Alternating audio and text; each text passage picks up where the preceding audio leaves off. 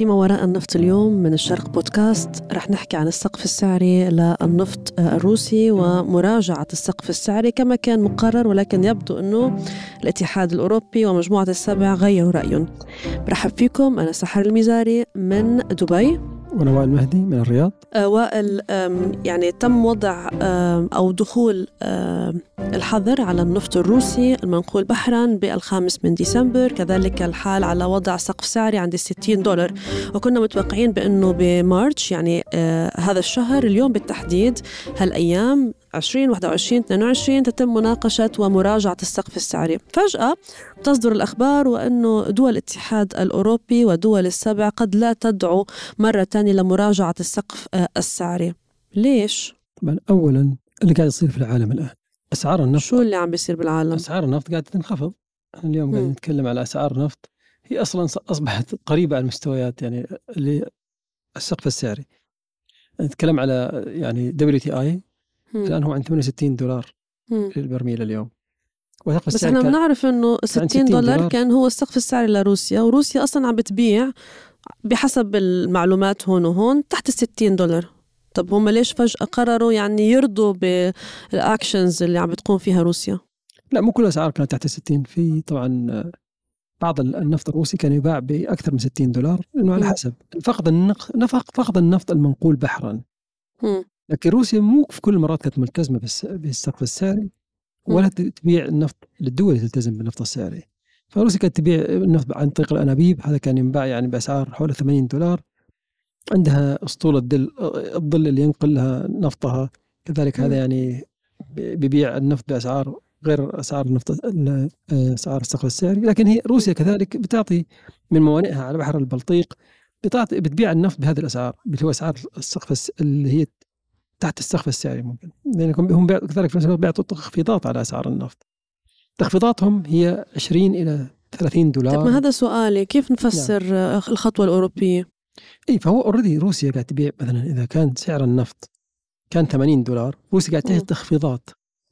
20 30 دولار عشان تبيعه بسعر مخفض. الآن الأسعار هي انخفضت في الأصل. فإذا الأسعار انخفضت أسعار برنت و WTI فروسيا كذلك راح تبيع بتخفيض فأصبح يعني بيع روسيا بالتخفيض حيكون كذلك أقل من السقف السعري.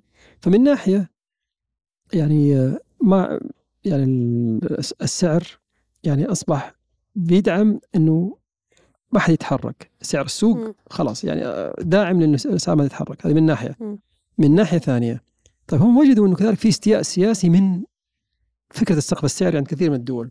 والسعودية أعلنت صراحة على لسان وزير الطاقة الامير عبد العزيز بن سلمان انهم رافضين لفكره السقف السعري ولا ان يبيعوا يعني النفط لأي دولة يعني تطبق هذا هذا المبدأ. وفي نفس الوقت أتوقع أنه الكويت كذلك أعلنت أنه هذا الأمر يعني ليس في صالح السوق. طيب. وزير الطاقة الجزائري قال أنه كذلك ضد السقف السعري. فأصبح في استياء الآن على طيب. نطاق طيب. واسع. فليش فليش يتوسعون في الموضوع؟ هذا من ناحية. طيب هذا من كذلك أنت في عندك ناحية أخرى اللي هي ناحية المداخيل الروسية. هي بدا يعني اخذ في التراجع. فإذا اخذ في التراجع ليش يعني الآن يتوسعون؟ هو اوريدي حققوا الهدف. الهدف كان إنه يخفضون مداخيل روسيا. لو لو وضعوا سقف أقل من هذا لا هنا حيبدوا يضروا طيب. بالإنتاج. خلينا لو أضروا بالإنتاج معناه إنه أضروا باستقرار السوق وهذا طيب. مو مصلحة أي أحد. أوكي خلينا نفهم يعني نحن عم نقول لم تتم آه، مراجعة السقف السعري لأنه تراجعت أسعار النفط. آه، يعني احد الأسباب المحتملة. طيب يعني. هل ممكن بوجهة نظرك إذا ارتفعت أسعار النفط وهو المتوقع في النصف الثاني من هذا العام رح يقرر الاتحاد الأوروبي ودول مجموعة السبع أنها تراجع السقف السعري اللي وضعته على روسيا في النصف الثاني من هذا العام ولا يعني هذا القرار نهائي هلأ؟ لا لا هو آه، السقف السعري آه، حسب يعني الاتفاق إنه حيتم مراجعته كل شهرين أوكي طيب هاي نقطة. فالآن ما أتوقع بحسب هالمرة نجا النفط آه، الروسي خلينا نشوف بعد شهرين شو راح يصير. طب خلينا نروح على الجانب الآخر اللي كمان له علاقة آه، بروسيا وبالتخفيضات السعرية اللي هي بتقدمها على آه، نفطها الخاص فيها للصين. الآن روسيا تفوقت على السعودية كأكبر مورد للنفط للصين. يعني ما نقول تفوقت هل هذا تجاوزت لأنه لأنه البيانات هذه شهرية. طب تفوقت أو تجاوزت هذا الشهر هل هذا بيخلق آه، آه، تحسس بين دول أوبك بلس؟ هل هذا بيخلق منافسة روسية آه، سعودية؟ يعني حتى لو هذا الشهر بس فبالنهاية الدول عندها مصالح. في تضارب في المصالح هلأ. شوفي حتى حتى نرجع تاريخيا للبيانات بيانات الواردات الصينية من حتى من قبل الحرب الروسية الأوكرانية لا زالت هي كانت المسألة يعني سجال. شهر السعودية يكون هي في الطليعة شهر روسيا في الطليعة. كل كانت المسألة يعني مش ثابتة. كانوا دائما يعني في في تنافس بينهم في السوق الصيني فكل مرة كل شهر كانت تتغير يعني المراكز. الآن أو أي شيء في روسيا مع الأوضاع الحالية يتم يعني إيش؟ العنونة عليه ويأخذوا يمكن مرات خارج السياق. أه هل هذا الخبر خارج السياق؟ يعني لا التناول. يعني التناول أصبح في تضخيم إعلاميا للموضوع لأن روسيا قاعد تبيع بتخفيضات. بس إنه في الأصل, في الأصل هو السعودية وروسيا دائما. يعني شهر السعودية تتفوق شهر روسيا تتفوق مرات مرات السعودية تتفوق طب روسيا متفوقه مش بس بالصين بالهند كمان. آه لا موضوع الهند مختلف. ليه؟ لأن روسيا ما كانت تبيع للهند في الأصل. كانت تبيع كميات قليلة. لكن تاريخيا إلى الصين طبعا هو من فترة من يعني فترة طويلة جدا. السعودية والصين هم أكبر موردين إلى آه، اسف السعودية وروسيا أكبر موردين إلى الصين. فلهذا السبب كان في دائما في تذبذب يعني كل شهر السعودية تكون تبيع أعلى شهر روسيا أعلى. طب هل حتخفض السعودية الأسعار للآسيويين؟ أسعار النفط؟ أسعار اوبك إيه. إحنا بنعرف يعني انه المبيعات الشهرية إيه. اسعار البيع بنعرف إنه رفعوا الأسعار الفترة الماضية. طب هلأ في منافسة في عدد من الأسواق حتى لو تتذبذب يعني شهر up شهر down بس يعني آه، في منافسة مع روسيا. شو هو كل شيء يعتمد على شيء على آه، أكثر من آه، من عامل. العامل وكلها عوامل فنية. م. عندنا موضوع هيكلية الأسعار. هل الأسعار في الآن في backwardation أو contango هي الان backwardation إذا كانت contango backwardation تتغير آه، طريقة التسعير. لأنه حيكون سعر الاستلام في وقت الاستلام تكون أسعار النفط أعلى فيكون في له حسبة. الأمر الآخر آه، موضوع آه، يعني هوامش التكرير. أغلب الوقت أرامكو السعودية تضع يعني حساباتها بناء على هوامش التكرير.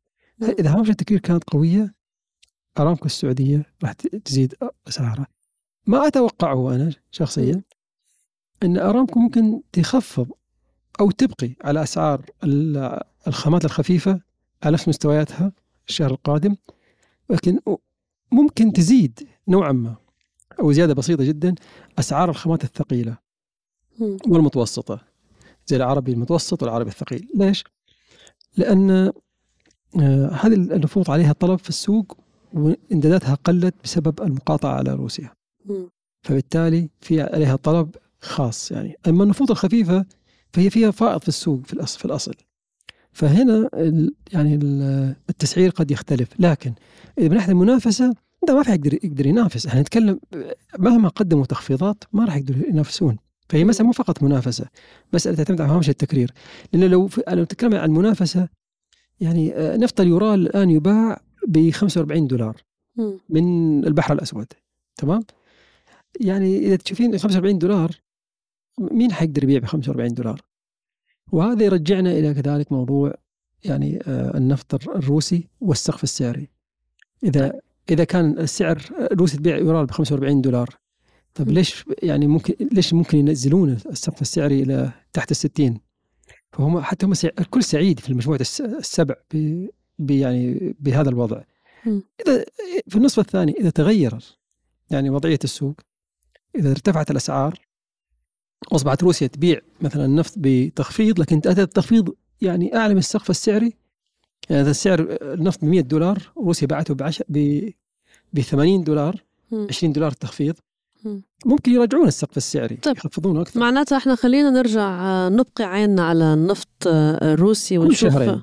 كل شهرين. نرجع ناخذ نتكلم في نفس النقطة هذه ونتابع ماذا وخلينا. نشوف اجتماعات أوبك بلس أول إبريل 3 إبريل على الأغلب. كمان نشوف هل في يعني توجهات تصريحات جديدة. بنعلم إنه يعني كان في توجهات منذ بداية هذا العام أو من آخر العام الماضي إنه ستبقي أوبك على تخفيض الإنتاج. خلينا نشوف إذا في تغيرات هل في تصريحات جديدة؟ يعني أنا شخصيا ما راح أشوف. أنا يعني رح نسمع.